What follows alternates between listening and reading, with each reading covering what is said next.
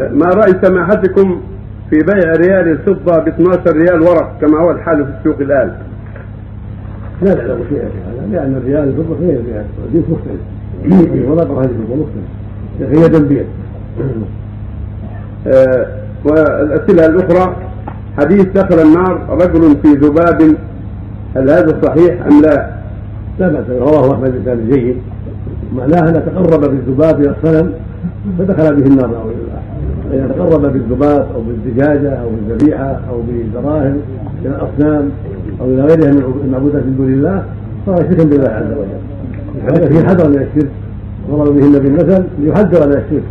الله جل وعلا قال فصل ربك وانحر وقل إن صلاتي ونسكي ومحياي ومماتي ربنا لا شريك له.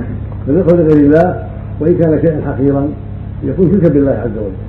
فيجب على المؤمن أن يطهر نفسه وعقيدته من سائر الشرك ومنها الدخول لغير الله نعوذ بالله نعم. الحديث اللي لعن الله من ذبح لغير الله نعم.